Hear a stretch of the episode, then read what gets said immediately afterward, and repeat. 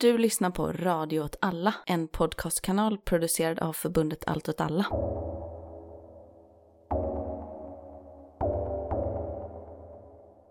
Hej välkommen till Rörelse, Udda krig och perspektiv med mig Martin Hansson. Jag har ingen myra med mig idag. Han eh, är på villovägar ute i skogen. Men istället har jag med mig en gäst och eh, vi ska ta och göra ett eh, efterfrågat avsnitt om eh, Stay Behind-rörelsen. Jag har med mig Johan Persson, Hej, hej. kulturskribent och Sveriges ledande expert på Stay Behind och nykterhetsrörelsens historia. Om man kombinerar de här fälten. Ja, just det. Jag, jag tyckte inte du fick säga att jag var ledande expert på Stay Behind. För att det finns nog flera personer i Sverige som eh, vet ännu mycket mer om det än vad jag gör. Och jag skulle inte heller säga att jag är den absolut ledande experten på nykterhetsrörelsens historia. Men eh, skärningspunkten däremellan, det är korrekt. Ja, vi försöker hitta det spåret på något sätt.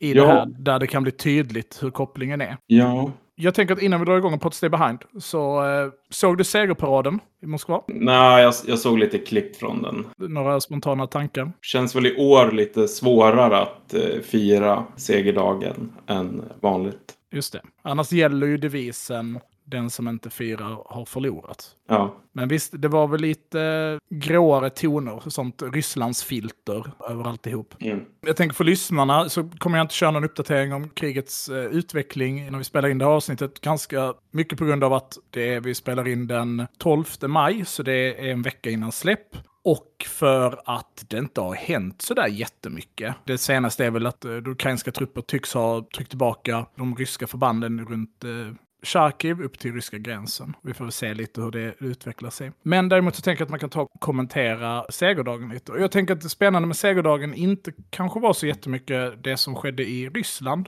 Putin höll ett eh, tal där hela väst satt på nålar och tänkte att nu jäklar kommer han eh, berätta att han ska förklara krig mot hela väst. Det trodde nog inte de som var lite mer insatta i konflikten. Men det som var spännande var väl det som hände i Washington samtidigt, också på segerdagen. Jag vet inte om du läste om det Johan? Nej. Det är ju att Biden gick ut och genomförde och skrev under den här lagförändringen i USA som de väljer att kalla Lend-Lease. Som helt enkelt är liksom en lagförändring som, som eh, vad ska man säga, den underlättar och möjliggör att snabbare beväpna Ukraina. Och namnet får ju en spontant att tänka på det samarbete som eh, USA och Sovjetunionen hade under andra världskriget.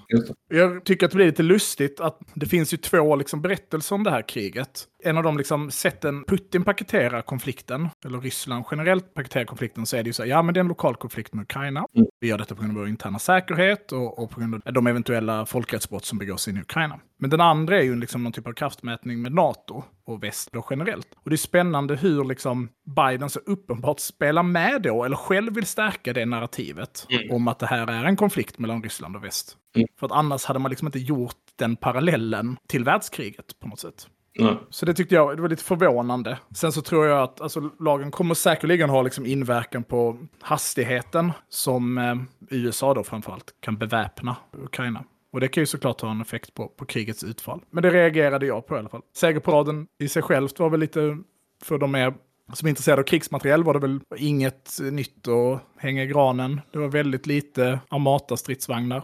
Färre än förra, om jag inte missminner mig. Ja, men med det sagt så kan vi gå vidare.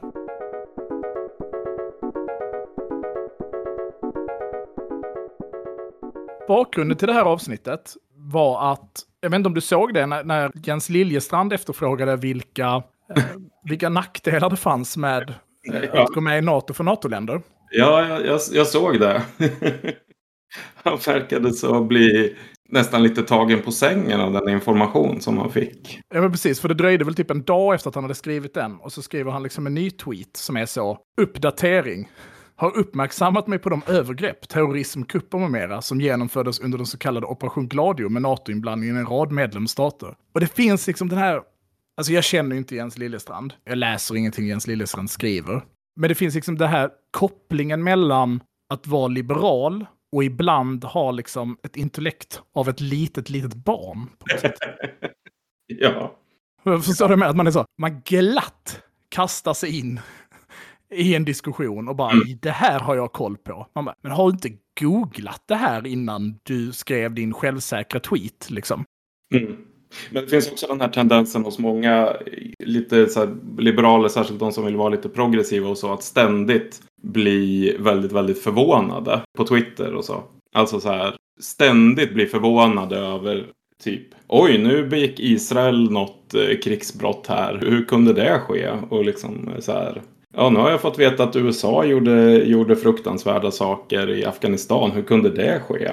Ja, just det. Att ingången är på något sätt att världen är en bra, god, konfliktfri eller friktionsfri plats. Och sen bara, vad i helvete? Men ja, det kan ju finnas något fräscht i det. Det kanske är att man själv är lite, jag vet inte, luttrad, det låter ju dumt att beskriva sig själv, men cynisk själv. Att man är så här, men blir du förvånad? Eller Mm, mm. jag tänker att mycket i konflikten runt Ukraina så tror jag att många människor som för första gången har följt en, en väpnad konflikt eller ett krig Ja. i detalj så känns det som att jag väldigt ofta har stött på kommentarer av människor som, som har den här men det finns ju en ond en god sida inställningen på något Ja. sätt. Bland annat när de här eh, filmerna som, som ju ganska, ja men har man sett fruktansvärda filmer på, på internet, men när människor blir skjutna på riktigt, om man uttrycker det på det sättet, så, så vet man, man har ett hum om hur det ser ut och hur det inte ser ut. Och det kom ut en film på när ukrainska soldater avrättade under tortyrliknande former eh, ryska eller separatistkombatanter. Mm. Och folk var så här, det här kan inte ha hänt. Nej.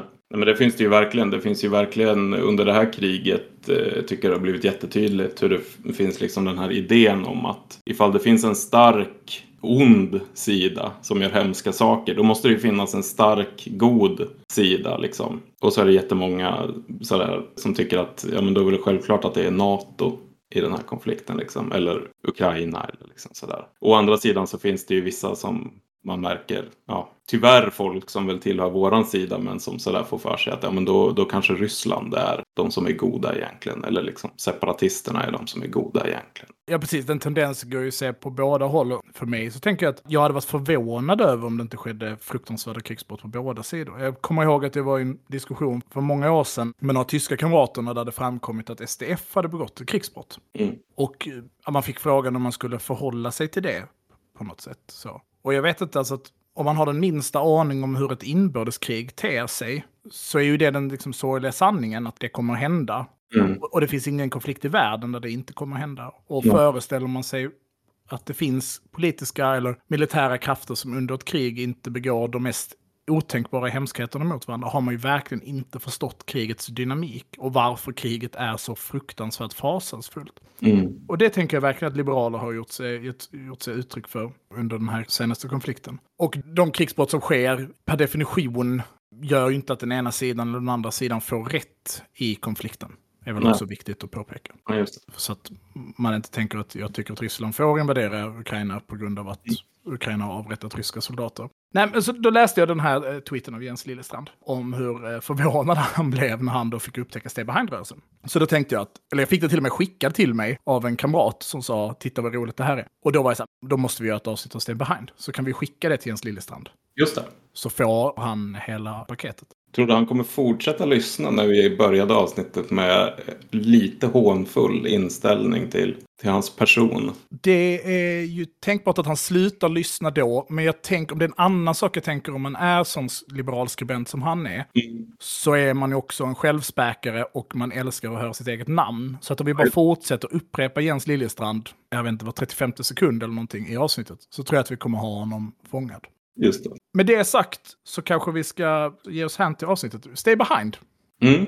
Berätta. Ja, när man pratar om stay behind. Alltså det finns ju en lite generell så betydelse i begreppet stay behind. Och det är ju någon sorts militär enhet eller civil i vissa fall som byggs upp i syfte att stanna kvar och slåss bakom fiendens linjer. Alltså man förbereder sig på en ockupation genom att att ehm, liksom i förväg bygga upp en organisation som ska verka underjordiskt med, med liksom, ja, partisanverksamhet eller motståndsverksamhet. När vi pratar om Stay Behind-rörelsen eller så, så menar vi ju specifikt den organisation som byggdes upp av NATO-länderna men även i icke-NATO-länder som Sverige, då, men i Västeuropa under eh, perioden efter andra världskriget och som skulle förberedas för en eh, sovjetisk invasion. Och man kan väl säga att det som var gemensamt för de här organisationerna som fanns i ett flertal eh, europeiska länder men även i till exempel Turkiet det var att de byggdes upp under eh, perioden sent 40-tal, början av 50-talet. Och att man eh, framförallt rekryterade personer som ansågs vara liksom pålitliga antikommunister. Det var egentligen den liksom främsta grunden för rekrytering. Så att många av de här organisationerna fyllde ju sina led med eh, gamla fascister, gamla övervintrade nazister och så vidare.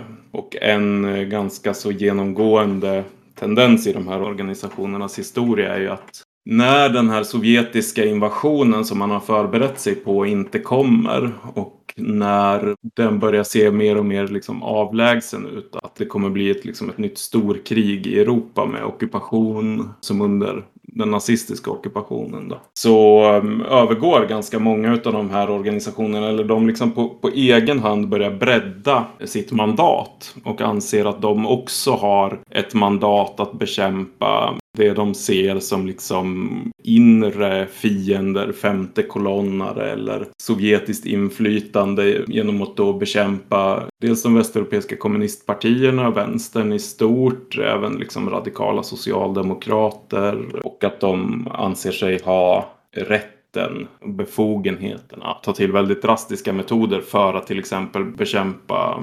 vänsterregeringar eller att kommunistiska partier ska få ta plats i regeringar och så vidare. Vilket också gör att de här Stay Behind-organisationerna kan kopplas och också har kopplats i så parlamentariska utredningar och så i ett antal länder till eh, olika vålds och eh, terrordåd i Europas eh, moderna historia. När du säger att de rekryterar pålitliga antikommunister, är det liksom ur en specifik sfär ur samhället? Är det inom personer tillhörande Försvarsmakten eller är det, är det mer liksom generell rekrytering? Ja, militärer tillhör ju de absolut mest eh, intressanta. Men man rekryterar ju också jag har sett i vissa länder så verkar det som att man har haft en sorts trestegsraket eller en sorts eh, liksom, pyramidform där man högst uppe har en mer central kärna som består av aktiva militärer, militärer i aktiv tjänst. Och att de i sin tur rekryterar pålitliga liksom, ledarpersoner och att dessa sen rekryterar personer under sig och de kan komma liksom var som helst ifrån i samhället kan man säga. Så det är inte bara. I vissa utav länderna, om man tänker till exempel Belgien och så, så har det funnits egentligen två parallella strukturer där det har funnits en militär organisation som har bestått av, eh, om inte aktiva militärer, men i alla fall militärt utbildade och sen vid sidan av den en civil organisation som man har byggt upp. När man pratar om Stay Behind så brukar man ju säga så att ja, men det är NATO, det här är liksom en debatt som uppstår i NATO, de behöver det här och liksom ett, mm. ja, men precis som du beskriver i den här rent militära formen, en, en partisanverksamhet kanske man hade kunnat beskriva det som, eller eventuellt fria kriget då som skulle uppstå efter en Warszawapaktsinvasion. NATO gör det, eh, CIA är inblandade, de mm. liksom gör det tillsammans med NATO och då, ja, SIS heter de väl, alltså det är väl det korrekta namnet egentligen, men de flesta kanske känner till det som MI6. Mm. Och de tre utgör liksom fundamentet i hur det här ska byggas upp. Med mycket då mm. fokus med lärdomar från andra världskriget. Exakt. När man säger att de här länderna, du nämner Belgien, du nämner Sverige och Turkiet, eller så, hur mycket sker det inifrån landet själva? Hur medvetna är... Man kan först kanske prata om de NATO-anslutna länderna, men sen kanske mer kan prata om Sverige. Ja, precis. Det ser lite olika ut i olika länder skulle jag säga. Alltså i Italien så är det ju ganska mycket så att efter att liksom, den fascistiska staten i Italien har ju krossats så att efter kriget så ska man ju bygga upp eh, statens funktioner på nytt inklusive då till exempel den militära och den civila underrättelsetjänsten och de byggs ju upp med väldigt stor inverkan från USA. Särskilt den kanske den militära underrättelsetjänsten. Det här med underrättelsetjänst i Italien är jättesnårigt de har omorganiserat sina underrättelsetjänster jättemånga gånger, vilket ju också beror på att de har varit inblandade i eh, rena planer på liksom kuppförsök mot den demokratiska staten och sådär. Och kopplats till då de terrordåd som utförts av Stay Behind, som i Italien hette Gladio, vilket har blivit också alltså ett namn som används. Operation Gladio används lite allmänt för att beskriva NATOs Stay Behind-nätverk. Men det är egentligen den italienska delen då. Så att i Italien till exempel så sker det med väldigt stor inblandning utav amerikanerna, vilket väl också har då att göra med att det finns inte riktigt en struktur att, bygga på. Medan i Sverige, eftersom vi inte är inblandade i kriget och sådär, så i Sverige så blir det ju lite av en maktkamp. Alltså regeringen Erlander upptäcker egentligen i ja, slutet av 40-talet, början av 50-talet någon gång att CIA håller på att bygga upp en sån här organisation i Sverige. Och då blir man väldigt mån om att den här organisationen i Sverige ska stå under svensk kontroll och inte under amerikansk kontroll. Vilket också gör att man förstår ju lite att anledningen till att ett land som Sverige som inte blir medlemmar i NATO som förhåller sig så formellt neutralt i kalla kriget också bygger upp en sån här organisation är lite verkade som för att man någonstans inser att antingen gör vi det själva eller så kommer amerikanerna att göra det åt oss. Ja, men också för att det ingår ju i svensk försvarsdoktrin. Mm. Det här sista skedet, alla uppgifter om att eh, motståndet har upphört till falska och så vidare. Alltså det skedet så är det ju så här, nu ska vi bara dela ut armbindlar till folk, blågula armbindlar och vapen. Och sen Mm. får alla bara. Men det är ganska anmärkningsvärt annars att ett land håller på att bygga upp en, ja, en paramilitär struktur kanske man kan kalla det, Mm. i ens land. Och ens reaktion är inte att gripa alla inblandade, Nej. utan är så här, fan, vi får nu ta över det här projektet själva. Mm. Hur såg liksom den debatten ut? Vet man det? Nej, det är väl en sån sak som vi inte vet eh, jättemycket om. Jag vet att Alvard Lindenkrona som blev eh, chef för den svenska eh, Stay Behind-rörelsen och Tage Erlander var över i USA och eh, ska ha haft sammanträden med CIA där och då fått till exempel löfte om att överta CIAs krigskassa för Sverige. Så att en del av den här finansieringen av det här nätverket ska ha kommit från CIA även i Sverige då. När jag läste runt om det så kände jag att man kunde tänka på det ur två olika perspektiv när jag skulle visualisera vad det faktiskt innebar. Och det ena var en ganska så tät Tinker Tailor spiondrama, konspiration, Mm. män i rock och hatt som röker cigarrer och har planer, korktavlor med ansikten med streck emellan och så. Mm. Eller ett gäng feta nördar som satt vid ett bord och lekte att de var motståndsmän. Ja. Och jag kan tänka mig att det såg väldigt olika ut i de olika länderna och att det är lite svårt att veta liksom, hur den här strukturen ser ut. Men Mm. det är ju, kändes ju också som ett väldigt, väldigt påkostat gentlemannasällskap Mm. som fick liksom fria händer och leka krig på något sätt. Ja, jo precis. Det är ju just det här med att, med att man bygger upp de här baserat på en cellstruktur. Som medlemmarna har kontakter med de andra medlemmarna i sin cell och så har de kontakter med liksom någon kontaktperson och så. Så att det verkar ju som att vissa av de här det var nog ganska seriösa, militärt tränade personer. Vissa verkar ju ha varit rena äventyrare, mytomaner och vissa var nog bara liksom, finns ju i vissa länder så är det ju så här mycket så här radioamatörer och så. Som nog bara såg en liten, liten del av vad de var del i. Men som var liksom del i ett hemligt nätverk som i händelse av en ockupation skulle liksom kunna byggas upp till att hålla radioförbindelser öppna med till exempel en exilregering eller så. Den liksom historiska bakgrunden, Mm. när jag läste runt om det, så fick man ju intrycket av att det var en, en brittisk eh, konstruktion från första början. Ja, precis. I det så går under namnet Auxiliary Units. Exakt.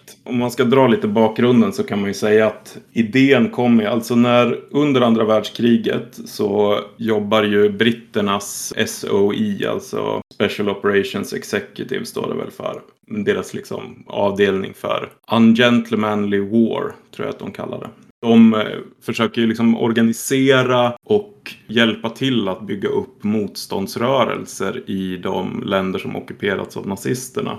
Och de upptäcker väl att det här är ganska svårt att göra från scratch liksom. Så att då börjar de, med start runt 1940 tror jag, organisera upp det, det som du nämnde som kallas Auxiliary Units i, Eh, i Storbritannien. Alltså i händelse av att Storbritannien också skulle bli organiserat så vill man ha redan förberett en en struktur för det här. Så man har dels de här Auxiliary Units som organiseras under Home Guard, alltså i princip liksom hemvärnet då. Men de är tänkta att de ska inte ingå i det här hemvärnsförsvaret utan de ska ligga lågt och om det blir så att landet blir invaderat så ska de utgöra egentligen grunden i en sorts partisanstyrka. Och här bygger man ju också upp sådana här vapengömmor och så som är gömda runt omkring i skogarna. Vilket ju kommer bli en väldigt stor del av det som sen blir Stay Behind-rörelsen. Att man ska ha liksom sådana här gömda vapen och radiosändare och sånt där. Sen bygger man också upp en struktur som är tänkt att vara civil och icke-väpnad så att säga. Som ska ägna sig åt Eh, informationsinhämtning, alltså ja, spionage och studera trupprörelser i landet och så och med hjälp av amatörradiosändare kunna skicka vidare information om det här. Och parallellt med de här två organisationerna som då ligger under eh, militären så bygger även MI6 upp en egen organisation som är tänkt att vara en sorts långsiktig motståndsrörelse. Snarare än det här partisankriget så ska den här organisationen kunna ligga lågt i, i månader och kanske flera år av ockupation för att utföra uppdrag på det man tänker skulle kunna bli till exempel en exilregering i Kanada som skulle kunna ha liksom sina agenter kvar inne i landet. Och det är egentligen den som får uppdrag att bygga upp den här eh, strukturen. Det är en militär som heter eh, överste Gubbins tror jag. Och han har ju lärt sig gerillakrigsföring egentligen. Dels i ehm, den brittiska interventionen i, ryska inbördeskriget på de vita sida. Och dels i eh, kriget ehm, på Irland mot IRA då. Så han har ett väldigt stort eh, intresse för eh, irreguljär krigsföring och gerillakrigsföring och så. Så att det är han som bygger upp den här organisationen. Och sen när andra världskriget är slut så börjar ju britterna tänka att eh, det här kalla kriget kommer kanske utbryta i, i fullt krig och eh, det är möjligt att eh, Sovjet kommer anfalla Västeuropa. Innan dess det har vi inte gjort ett avsnitt om, men det ligger i pipelinen. Har du talat om Operation Unthinkable? Nej. Det är ju alltså att britterna försöker förmå USA att tillsammans med dem anfalla Sovjetunionen 45. Mm. Okay. Så att britterna är ju lite... Ja. De är, är ju rätt heta på gröten någonstans mm. om att, nu kommer den ju aldrig, men Mm. De föreställer sig väldigt tidigt att det kommer att bli en konfrontation med, eh, med ja, Sovjet. Det blir ju också väldigt tidigt till exempel ett proxykrig i Grekland mellan Storbritannien och Sovjet. Eller då mellan grekiska högern och kommunisterna. Så att britterna är de som egentligen först börjar bygga upp den här eh, Stay Behind-rörelsen i Västeuropa. Och USA blir inblandade runt 47 tror jag att det är när CIA skapas och USA får den här, eh, man stiftar en lag i princip samtidigt som CIA skapas som säger att CIA utanför amerikanskt territorium får liksom i princip fria händer att härja som de vill. Men du säger att, att eh, det finns en militärteoretisk förståelse om partisanen eller motståndsmannen då på något sätt som England drar från å ena sidan deras eh, ockupation av, av Irland. Mm. Och å andra sidan det de betraktar i det ryska klasskriget på något sätt. Och naturligtvis erfarenheterna från de motståndsrörelser i Europa som SOI stöttade under kriget. Ja, och jag tänker att det är ganska typiskt brittiskt att man inte vill prata om sina lärdomar man har dragit genom att bedriva krig ja. i hela världen under flera hundra års tid. Liksom. Det är klart att det här enskilda befälet kan ha ju fått sina erfarenheter mm. från de här specifika konflikterna han har varit med i. Men jag tänker att det känns inte så långsökt att tänka att det ligger väldigt nära till hans, både i den franska, de gör ju det med handfast under andra världskriget med sin motståndsrörelse, men också britterna. Alltså att just att vara kolonialimperium mm. gör ju att man har ju också sett det irreguljära kriget på ett helt annat sätt ja. Eh, än vad till exempel Tyskland har gjort. Även om Tyskland självklart hade sina koloniala projekt så var ju både Frankrike och England, både Frankrike och det brittiska imperiet betydligt mer eh, involverade i koloniala krig i någon mening. Och även andra militärkonflikter som ju är eh, koloniala till sin natur, liksom som Boerkriget till exempel. Och man ser ju i liksom det brittiska sättet att föra krig, alltså vi har hela Lawrence of Arabia till exempel i Mellanöstern, alltså att de har väldigt nära till hands att Eh, har dragit lärdom av den friktionen de själva har upplevt när de har liksom tvingat sin makt på andra. Hur jävla frustrerande och störigt det kan vara. Men det, det, är liksom, de som bygger upp det, de tänker ändå att det är liksom partisanverksamheten. För när du beskriver den civila biten, Mm. Är det liksom meningen att den då ska vara politisk? Eller den civila biten då, det man kanske skulle säga tring, alltså att den eh, ska laga mat och eh, stå för radiokommunikation eller så? Eller hur ser liksom den politiska dimensionen av det första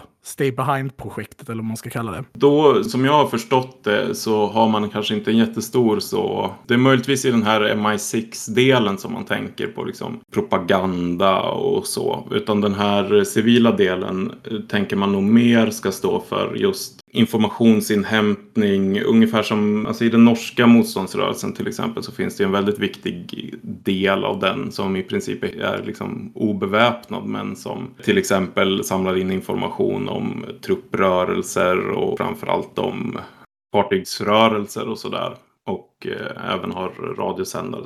En annan ganska viktig sak som man börjar bygga upp, det är ju också en erfarenhet som man har fått från andra världskriget. Det handlar ju om att bygga upp en resurs som dels kan ta emot och guida in soldater som kommer och hoppar fallskärm över ockuperat område. Och dels att eh, ta hand om eh, till exempel kraschade flygare och smuggla ut dem. Så den strukturen, de börjar liksom experimentera med den. Den verkställs ju aldrig i England. Operation Sea Lion Mm. Händer ju aldrig så tyskarna gör aldrig ett försök. De behöver aldrig pröva den men själva enheterna och så existerar ju. Och de tränar upp 3500 man eller något. För att åka iväg på liksom så här veckokurser. Och... Just det. Och de är helt frånställda då. Det du beskriver som hemvärn. Jag kanske skulle säga nationalgardet. Alltså eh, hemmaarmén, homeguards äh, heter de. Ja. De lyder liksom inte direkt under sitt närmsta nationalgardets befäl utan de ingår i en parallell äh, paramilitär struktur då på något sätt. Exakt. De, de slåss slåss. Tanken är att de ska slåss i Homeguards uniform då så att de inte är liksom ouniformerade kombatanter men de bildar cellstrukturer istället som inte ingår i den reguljära. Och målen är då lönnmord, sabotage, eh, ja. ja. den typen av liksom störande verksamhet eller om man ska beskriva det som. Och man är ganska krass med att eh, man tror att de, de som liksom ingår i Auxiliary Units att det är mer eller mindre ett självmords självmordsuppdrag. De blir instruerade i att eh, hellre skjuta sig själva än att bli tillfångatagna. Just det. Andra världskriget, Tyskland förlorar, losers. Sen börjar man då försöka sätta det här på export på något sätt. Men mm. drivkraften kommer inte från England då i första hand? Eller? Jo, till viss del skulle jag säga. Och det är också så att det finns en viss eh, konkurrens mellan MI6 och CIA kring vilka länder som man liksom ska få. De samarbetar, men det finns också en viss konkurrens. Är det liksom i huvudsak ett europeiskt projekt? Eller är, försöker man liksom exportera det här? Ska ju tänka att England slår ner de eh, kommunistiska upproret i Malaysia till exempel. Alltså mm. att det finns ju flera antikommunistiska konflikter som härjar ja. åren efter. Du nämner Grekland till exempel. Men sker det liksom... Ja. Försöker man etablera den här typen av auxiliary units eller då proto stay behind i andra länder utanför Europa? Inte vad jag känner till.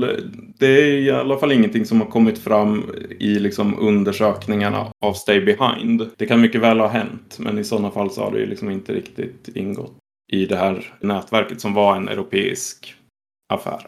Ja, just det.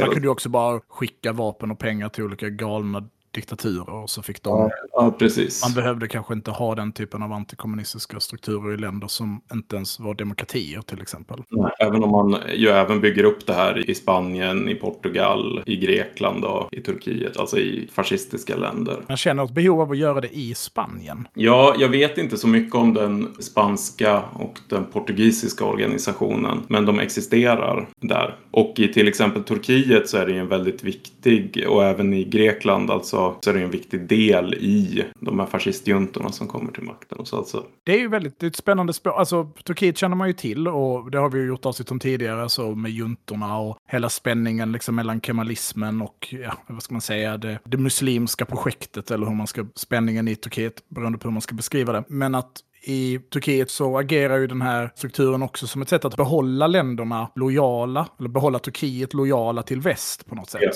Det är spännande att tänka att det är MI6 och CIAs projekt i Francos Spanien eller i Salazars Portugal. Att projektet där är att behålla diktatorn vid makten så att säga. Ja. Och jag tror du har helt rätt i det, det här med att eh, hålla lojaliteten och så. Jag tror att i, i, i de här länderna så är ju en av de viktigaste uppgifterna för de här organisationerna kommer att bli den viktigaste uppgiften. Att liksom hålla en lojalitet mot NATO. Mm, just det. Så det här sätts på export och det är ju inte auxiliary units man bygger upp. Det, det är ju en ny typ av struktur. Den är ännu mer, vad man ska säga, clandestine, alltså den är ännu mer paramilitär. Mm. Det är inte prat om uniformer och så, utan det är mer på många sätt en kopia av de kommunistiska partisanerna. Och då mm. menar jag inte bara de bolsjevikiska eller de liksom östeuropeiska partisanerna, utan jag tänker att det är också en väldigt mycket en kopia av de franska kommunistiska partisanerna. Mm. Och de danska och, och norska för den delen. Mm. Bopa i Danmark och i Norge kallar de sig. Ja, Osvald Gruppa och Pelle ja. Gruppa och så. Och det här är någonstans, i detta så är det ju väldigt spännande. För att när jag tittar på det så tänker jag att eh, jag förstår varför man försöker bygga upp den här typen av struktur. Jag ser liksom hur man resonerar. Man behöver ha någonting som överlever liksom den här första an i, i ett anfall. Och sen så ska den maximera friktionen för echelonerna som anfaller framåt. Det som är så spännande när man tittar på det är ju att det känns extremt mycket som att man har tittat på, i grund och botten, politiska strukturer. Mm. Alltså man har tittat på, fan vad bra det hade varit att ha ett kommunistparti. Ja. Förstår du vad jag menar? Ja, jo, jag förstår. Så här, skitbra att ha jättemånga människor som är superdrivna och eh, har massa olika expertiser på både militär och civil och en stor offervilja. Precis som du beskriver här med de här auxiliary units som ska liksom vara beredda på att dö. Och det ingår ju någonstans i partisanverksamheten, även om deras funktion inte är att dö. Tvärtom så är det ju extremt viktigt för en motståndsrörelse att inte dö eller bli tillfångatagen. Så är det som att man tittar på det och säger, kan vi bara skapa det uppifrån? Mm. Kan vi liksom skapa en icke-organisk motståndsrörelse. Och då är det inte så konstigt att det blir fascister. Man får ta liksom. Nej, precis. För att... Ja, precis. Vilka är det som man kan inkorporera i ett sånt projekt liksom? Vilka är det som redan finns när man börjar bygga upp det här? I Tyskland så är det ju så att där finns ju den här Gelen-organisationen alltså. I princip det Storbritannien och USA gör när man har eh, invaderat Tyskland är att man tar den tyska spionorganisationen, underrättelseorganisationen mot eh, Sovjet och och, eh, och vänder den så att säga. Man tar ju över den och den blir ju grunden för Tysklands, eh, Västtysklands kommande underrättelsetjänst. Och det som blir liksom grunden till Stay Behind i Tyskland det är ju gamla SS-soldater helt enkelt som bildar något som heter Technischer Dienst, tekniska tjänsten. Just det. Det är också de här som när britterna görs, ska räkna på det här anfallet mot Sovjet 45. Så mm. är de så, men så har vi så här mycket tyska soldater vi kan använda. Mm. Eh, ja, så det, det ligger väldigt, uppenbart väldigt nära till hands att ta hjälp av den typen av krafter. I Sverige då? Vad vet man om liksom, vilken typ av människor man rekryterade här? Ja, det man börjar med i Sverige det är faktiskt en eh, militär som heter Grafström. Han börjar ganska snart efter kriget att börja bygga upp en sån här organisation. Och han är ju före detta Finlandsfrivillig. Så han rekryterar framför allt folk ifrån en organisation som heter Sveaborg som är en eh, kamratförening för före detta Finlandsfrivilliga men den är också en, en kamratförening för före detta frivilliga i Waffen-SS då och den är politiskt knuten till Svensk Socialistisk Samling som är ett sånt naziparti. Så det där blir lite problematiskt när en, en av de ledande i Grafstrands försök att bygga upp det här, Otto Hallberg, blir gripen av Säkerhetspolisen och det visar sig att liksom den gruppen som den militära underrättelsetjänsten har försökt Eh, göra till någon sorts grund för en, en stay behind-rörelse har samtidigt den civila Säpo haft ganska omfattande span på som liksom potentiella landsförrädare, vilket ju blir ett problem. Så då försöker man, ja, det är då den här Alva Lindenkrona kommer in som är ganska, liksom, Gravström får vara kvar, han är liksom kvar och är någon sorts, liksom, underchef där. Men den här Lindenkrona är ju en ganska stabil jurist som eh, blir chef för Thulebolagen, ett stort försäkringsbolag då. I den rollen rekryterar folk. Han har väldigt stora kontaktnät inom liksom högern, inom näringslivet inom riddarhuset och så. Så att mitt intryck är väl att man försöker att inte få med de här riktiga nazistiska tokdårarna. Men att ganska mycket av det folk som man får med är sådana som anses vara stabila, pålitliga antikommunister. Och det kan ju i viss mån vara socialdemokrater, men det är nog i hög utsträckning högermän med någon sorts militär bakgrund eller koppling.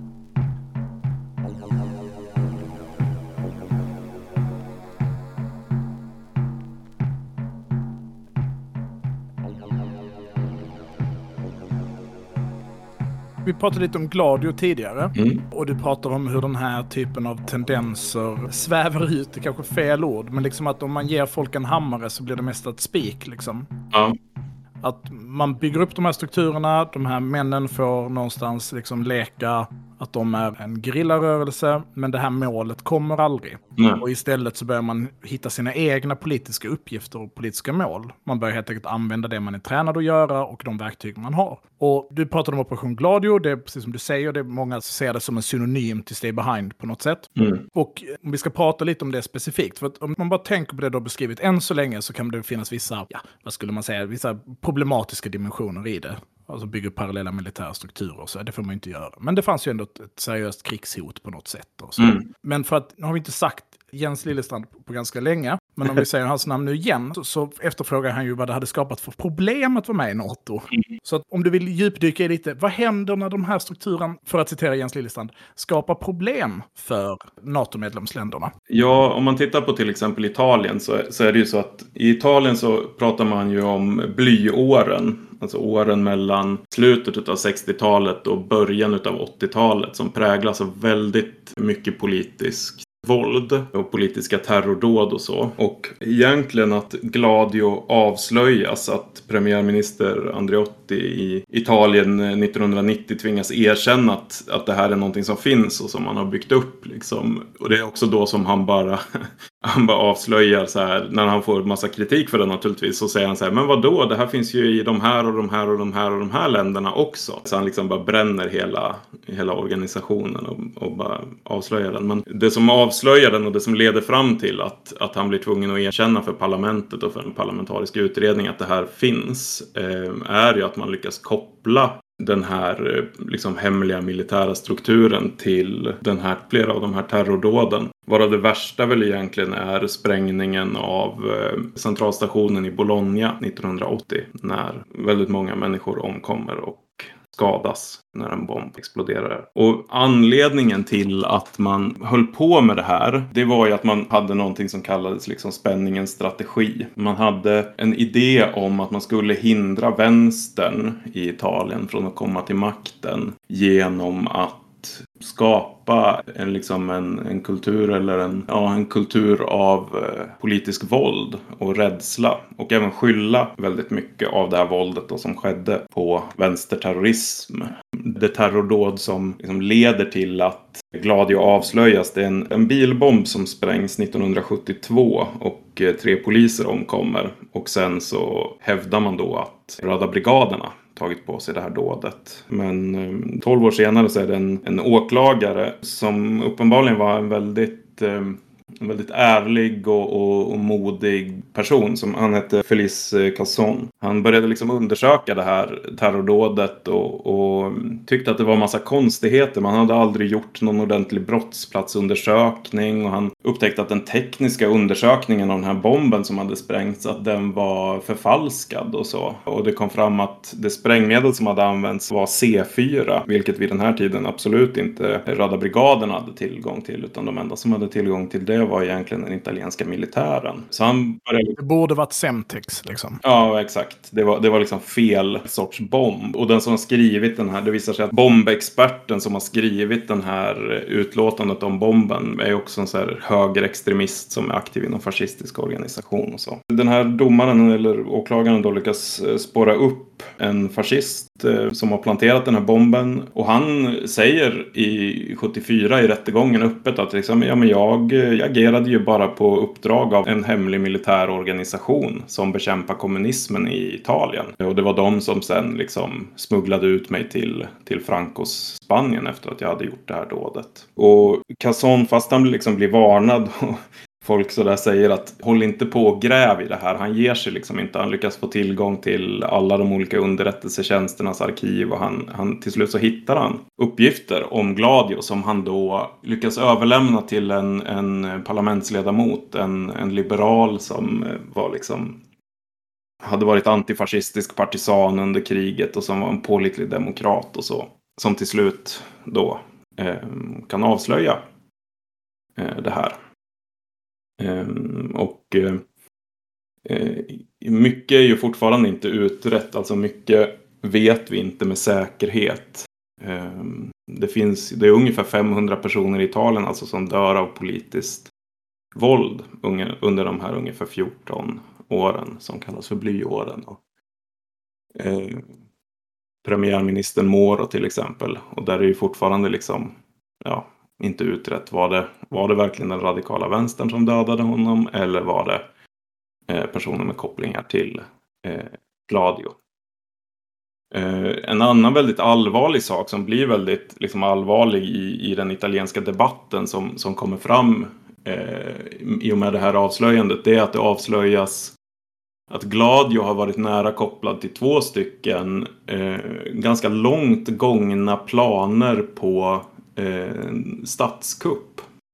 Det finns dels en från 1964 som kallas för Operation Piano Solo. Och det är den dåvarande kristdemokratiska presidenten eh, som ber eh, chefen för eh, alltså alltså militariserade polisen, att eh, dra upp en plan på eh, hur element inom militären och polisen med stöd av Gladio ska kunna ta makten och eh, ja, undertrycka socialistpartiet, eh, kommunistpartiet, fria medier, fria fackföreningar och så. Och sen är det en annan som kallas Golpe Borghese 1970. Där det liksom är fascistiska element som planerar att ta makten och den, den, den är, blir liksom avblåst det kuppförsöket i absolut sista sekund. Och där säger då vissa att det är någon, en, en CIA-tjänsteman som ringer upp ledarna för det här kuppförsöket och säger att nej, ni ska inte göra det här. Ni kommer inte få vårt stöd om ni gör det. Men funkar det då? Om man ska vara så här cynisk som vi pratade om i, i början av avsnittet. Ja, alltså det där är en grej som jag funderat ganska mycket på. För att det finns en teori om man säger att de här två kuppplanerna till exempel. Att de aldrig egentligen var tänkta att de skulle genomföras. Utan att tanken var att om man säger djupa staten eller vad man vill kalla det visar för framför allt det italienska socialistpartiet som ju satt i samlingsregeringen eller regerade tillsammans med Kristdemokraterna och andra liksom så centerpartier. Att man visade att nu gör ni som vi säger, till exempel efter den här kupplanen 64 så, så leder det till att eh, vissa som anses lite för radikala socialdemokrater får inte ministerposter och någonstans får liksom socialistpartiet få ge sig att okej, okay, men vi kommer liksom inte driva igenom det här. Eh, det är också så att vi ser en utveckling inom det, det italienska kommunistpartiet som ju blir mindre och mindre revolutionärt och där ledningen börjar liksom säga att ah, men vi, vi kan inte vara så revolutionära för att det kommer någonstans att skapa en fascistisk reaktion liksom. Och det är ju fullt möjligt att det inte bara beror på så att säga, en intern politisk utveckling eh, liksom av revisionismen inom italienska kommunistpartiet utan att det också faktiskt beror på att staten är beredd att visa att så här, ja, men vi har de här planerna, vi har den här makten. Vi kan gripa er partiledning och föra bort dem till, till Gladios eh, träningsläger, liksom, vilket var en av planerna som fanns 1964. Och att det leder till en, liksom en politisk påverkan inom den italienska vänstern. Men USA säger ju nej, eller hur? Mm. De säger att ni får inte göra det här. Precis. Eh, det är en teori, det är inte helt säkert. Men, men det är ganska troligt kanske att eh, det som är USAs eh, mål är egentligen inte att eh, genomföra en fascistisk statskupp i Italien. Eh, vilket ju skulle leda till väldigt stora politiska problem och omvälvningar och sådär säkerligen. Utan att det snarare kanske är så att eh, det är det här eh, visa revolvern under rocken liksom. Eh, om du förstår vad jag menar. Det är mer att visa att man har någonting att ta till.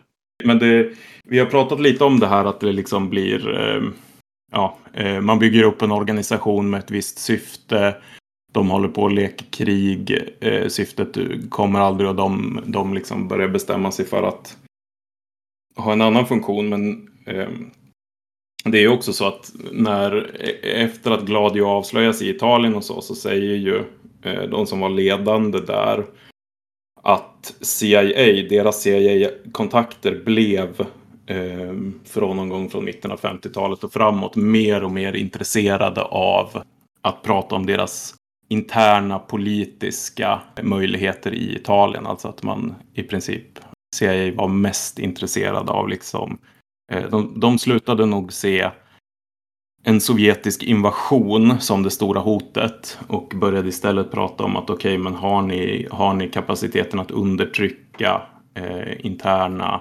oroligheter? Skulle ni kunna liksom undertrycka en stor generalstrejk? Eh, skulle ni kunna hindra en regering där kommunisterna får ministerposter och så? Ja, det blir väldigt logiskt när man liksom ser den kommunistiska rörelsen eller den generella vänsterrörelsen som typ ett gift som smittar samhället och, och som hotar USA i sin, liksom, ja, genom sin blotta existens. Alltså det den argumentationen som förs varför man då går in i Vietnam till exempel, eller, eller Korea för den delen.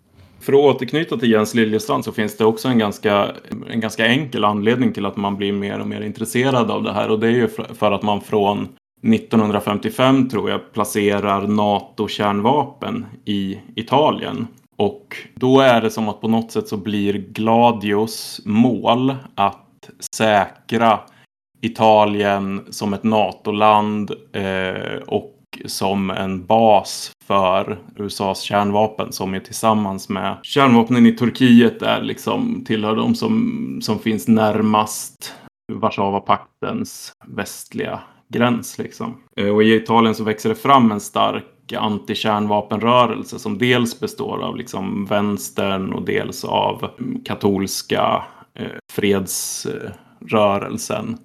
Och USA är ju väldigt Eh, måna om att de inte ska få ett sådant politiskt inflytande så att Italien till exempel säger nej till att ha amerikanska kärnvapen.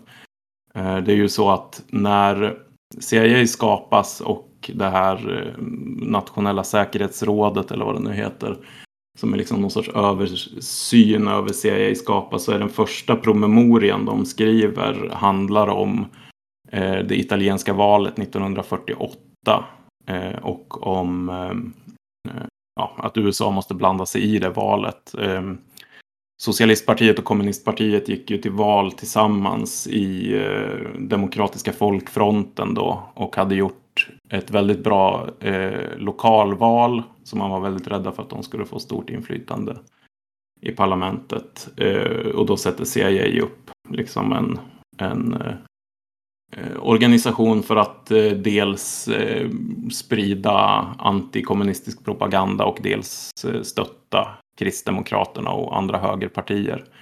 Och från 48 och 24 år framåt så eh, blandar sig ju CIA aktivt i samtliga italienska val med till exempel ekonomiskt bistånd till eh, högerpartierna.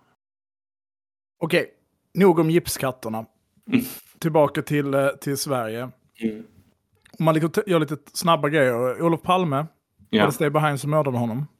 Uh, ja, jag tror det. Uh, vi ska komma ihåg att Palme mördas alltså utanför Tulehuset där eh, svenska Stay Behind har sitt eh, huvudkontor och har en, en hemlig ingång från Luntmakargatan. Det är nämligen så att Alvar Lindenkrona är chef för, för Thulebolagen. Och eh, eh, Stig Engström, den här eh, nu för tiden utpekade skytten, är ju, jobbar i, i Thulehuset och har under en lång period, Alva Lindenkrona, som högsta chef.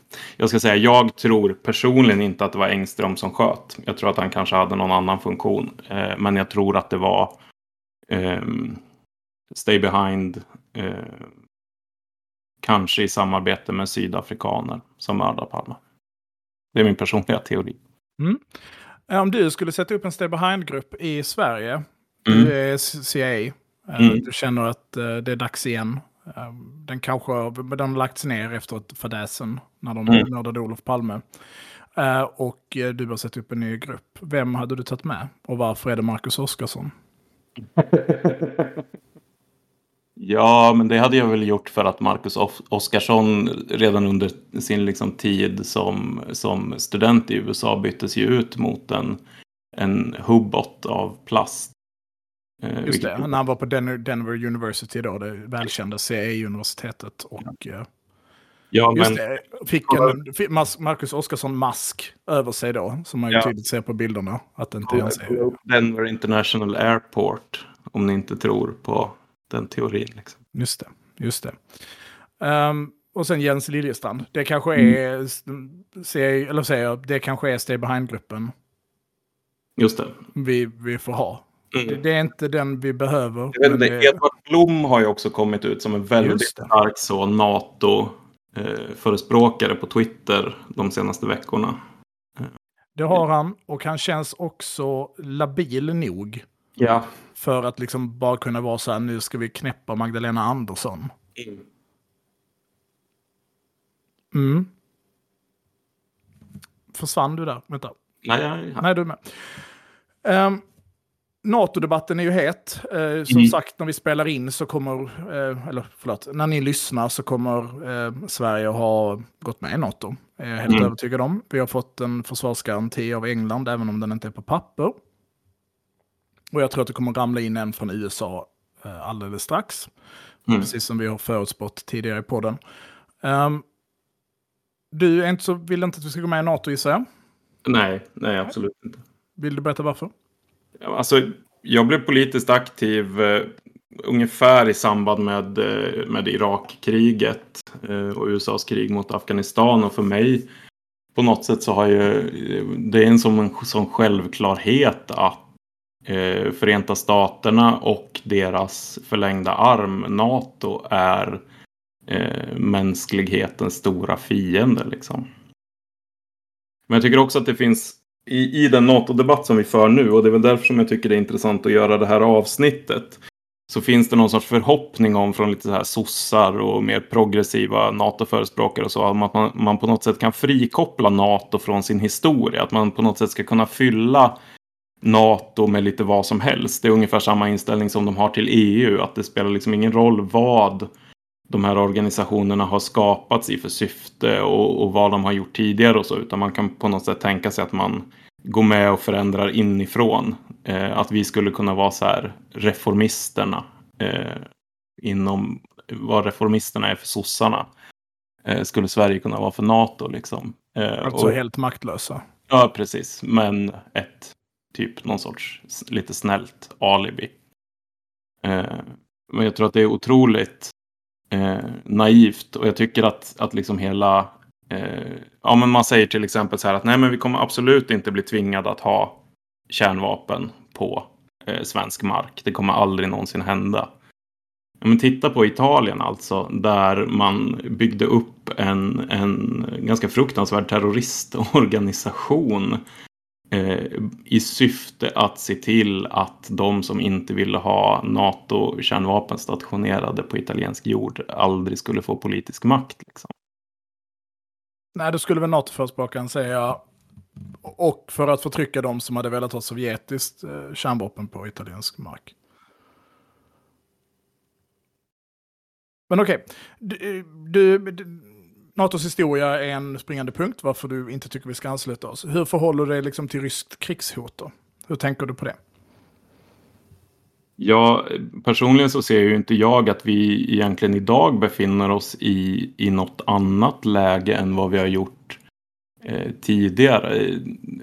Det, jag, jag har svårt att förstå idén att Rysslands invasion av Ukraina skulle öka risken för en rysk invasion av Sverige. Jag tror att det finns liksom många andra historiska tillfällen när risken för en rysk eller sovjetisk ockupa eh, ockupation eller invasion måste varit ännu större. Och då hastade vi ju inte igenom ett sånt här beslut, utan jag ser ju det här snarare som att det har eh, länge funnits ganska många, alltså vi har ju smyganslutits till NATO. Och det finns ganska många inom den ledande socialdemokratin som vill att vi även officiellt ska bli NATO-medlemmar. Och den här krisen och eh, det fruktansvärda kriget i Ukraina har liksom blivit deras... Eh, man ska aldrig slösa bort en bra kris. Liksom. De, de eh, den för att även formellt ansluta oss till NATO. Alltså för tio år sedan så kanske man hade sagt så här, eh, mitt huvudargument mot att gå med i NATO, ska vi säga då för tydlighetens skull, att jag också är emot ett NATO-medlemskap. Eh, av många olika skäl. Men jag bara tänker här för, för att, att vara djävulens advokat. Så för tio år sedan kanske man hade sagt så, om man hade frågat mig så här, eh, jag träffar Jens eh, Liljestrand, vi är på krogen. Han är så här, vi måste gå med i NATO. Så jag sa, varför då? Nej, men för att eh, vi måste kunna skydda Sverige. Men jag bara, så, Ryssland kommer för fan aldrig använda, eller anfalla Sverige. Eh, jo, men det kommer de. De kommer, liksom, de kommer ta sin chans eh, när, de, när de känner sig hotade. Så här, nej, det är struntprat. De kommer inte invadera något grannland. Den ryska björnen är bruten. De är på, på reträtt. Eh, de kommer inte kunna genomföra någon liksom större eh, militära operationer. De har liksom inte kraften nog till det. Mm. Sen händer ju liksom, Georgien har ju då hänt, men det, det ursäktar nog med att det är lite för, det är för liten skala och det är inte liksom så, det, det, det är, bara, det är så litet. Eh, men Ukraina på något sätt visar ju att, att Rysslands eh, intentioner att, att eh, föra offensiv krigsföring, även om jag är helt övertygad om att Ryssland ser det som en strategisk defensiv krigsföring. Mm. Um, så, så man tänker till exempel Baltikum då. Mm. Alltså, jag har ju ändå en viss förståelse för att Baltikum eh, har anslöt sig till NATO. Mm. Av, alltså, för man tänker att Ukraina, det är, som, det är ett väldigt stort land, väldigt stor befolkning. Baltikum är ett gäng jävla pissstater. Uh, I en situation där de inte hade ingått i en försvarsallians med kärnvapen och världens mest aktiva och offensiva krigsmakt, alltså USA, i ryggen, så kan man ju tänka sig att, att Baltikum hade legat ganska risigt till. I, I liksom den kontexten som vi befinner oss idag. Mm. Jag hade uppenbarligen fel för tio år sedan, eh, eller för fem, eller för, för tre år sedan, om de liksom ryska intentionerna.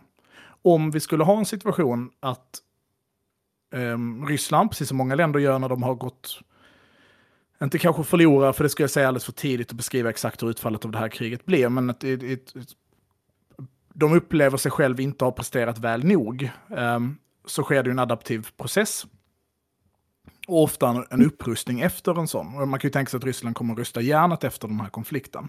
Mm. Och den omöjliga ryska invasionen, så som jag förstod den tidigare, den känns inte lika omöjlig längre. Hur förhåller du dig till svenskt försvar generellt? Liksom, har, tycker du Sverige ska rusta? Mm. Ja, alltså jag är nog generellt en, en försvarsvän.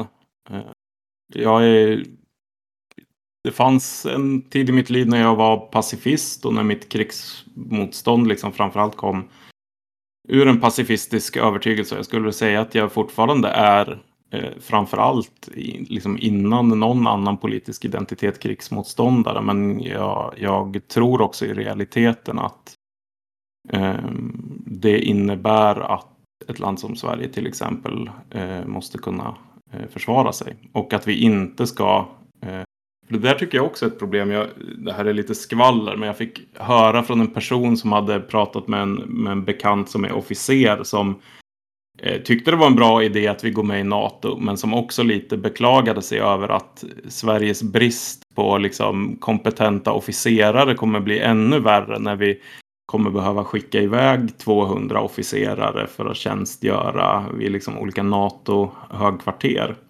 Eh, och det, det, där tycker jag, jag tycker att det överhuvudtaget är fel att vi har ställt om eh, vårt försvar till att liksom så insatsförsvar istället för ett, ett allmänt eh, folkförsvar. Ja, och det skulle jag säga är min huvudsakliga kritik. Alltså mm. att det finns en idé om att eh, NATO den här försvarsalliansen NATO då, den enda gången den har väl agerat som en försvarsallians var när den bombade Afghanistan. Mm. Eh, alltså då artikel 5-aktiveringen. Eh, det finns en idé om att det är då i första hand en försvarsallians, men om man ser den liksom doktrinförändringarna som NATO har genomdrivit i medlemsländer, och då räknar med Sverige som att Sverige uppenbart valde att gå den amerikanska linjen i förhållningssätt till sin försvar. Och det är ju lite new public management och nyliberalism och så. Att ja. man slimmade försvaret helt enkelt. Och var, ja men vi har det här insatsförsvaret istället. Mm. Som ju bara handlade om att kunna delta på NATO-ledda eller då FN-operationer. Mm. Och är ju inte en försvarsmakt. Nej. Alltså det var inte en försvarsmakt man byggde upp överhuvudtaget. Nej. Och det var ju direkt pådrivet av NATO och de NATO-nära partierna vi har i Sverige. Mm. Som, som liksom gick i bräschen för det här insatsförsvaret istället. Mm. Ja, vi måste faktiskt börja ta avrunda. Jag, jag tänker att eh, om du har, har du några lästips? Mm. Om man vill läsa vidare om Stay Behind. Ja, eh, dels är det ju eh, en schweizisk historia som heter Daniel Ganser som har skrivit NATOs hemliga arméer. Och det är väl den bästa boken man kan läsa. Vill man läsa specifikt om Sverige så ska man läsa Mikael Holmström, Den dolda alliansen, Sveriges hemliga NATO-förbindelser. Det är en ganska tjock lunta som handlar jättemycket om vår så smyganslutning till NATO. Men det finns vissa kapitel där som berör framförallt svenska Stay Behind. Eh, och sen så tycker jag man ska läsa Henrik Bromanders eh, fantastiska roman Skymningstid också. Det är ju hans eh, litterära fantasi så att säga om en sån här Stay Behind-cell i Sverige. Men han har gjort så otroligt mycket research om liksom Stay Behind och om högerextremism i Sverige på 70-talet och så att även jag som som vet ganska mycket om det här sitter och är inte helt säker på liksom vad han har hittat på och vad som faktiskt bygger på eh, verkliga händelser och så. Jag vill också verkligen rekommendera den boken. Jag pratade med Henrik eh, innan vi spelade in eh, avsnittet för att eh, fråga vad man skulle rekommendera folk att köpa den. Och han hänvisar då till att Libris och Bokus, liksom, det är enklast och billigast att köpa den därifrån. Jag tror de också kommit ut i pocket precis. Mm. Ehm, fantastisk bok och det som, vi, vi hann inte komma in på det nu i avsnittet, men, men jag tänker också att man som vänsterperson kanske har förmågan att förstå Stay Behind bättre än Jens Liljestrand. Mm. Eh, Just eftersom att man kan se sig själv någonstans i den här subversiva gruppen på något sätt. Mm. Och jag tror att det är en av storheterna i Henrik Bomanders bok. Mm. Att han gör ett ganska skickligt porträtt på, av liksom människor som befinner sig i den här kontexten. Som då råkar vara antikommunister liksom. Ja. Och att han Men- fortsätter att skriva om det som han har gjort tidigare utifrån liksom. Det blir också en sorts ut, utforskande av en sorts maskulinitet. Precis. Så, eh, liksom frodas i de här kretsarna och som man nog behöver förstå för att eh, förstå hela liksom, Stay Behind. Ja, och den kan man också förstå om man har... Alltså, att, jag tänker att Henrik Bomander också har en, en förmåga att relatera till de här människorna. Mm. På ett sätt som jag tänker att även du och jag har. Mm. Trots att man kanske delar extremt få eh, politiska Ja. åsikter så kan man liksom... Man kan ändå se hur de har hamnat i den situationen. Och man kan också se den här... Ens föreställningsvärld, eh, retorik, och hur det kan mynna ut i någonting som det kanske från början inte var tänkt att vara. Mm. Ehm, då får jag ju skryta lite om att jag har också varit inblandad i boken då. På en väldigt, väldigt eh, liten, Okej. liten del. Ehm, på grund av eh, då de rent militärtekniska delarna av, av Mm. Ehm, köp den, läs den, den är skitbra. Och Henrik, om du lyssnar på det avsnittet får du jättegärna vara med och ehm, prata om boken. Och om Det- din eh, research inför den. Lyssna på. Eh, och med de orden så tänker jag att vi avslutar. Har du något du vill göra reklam för? Eh, man kan lyssna på min podd Mörkret. Följ mig på Twitter, att ordförande Johan. Läs dig. Mm.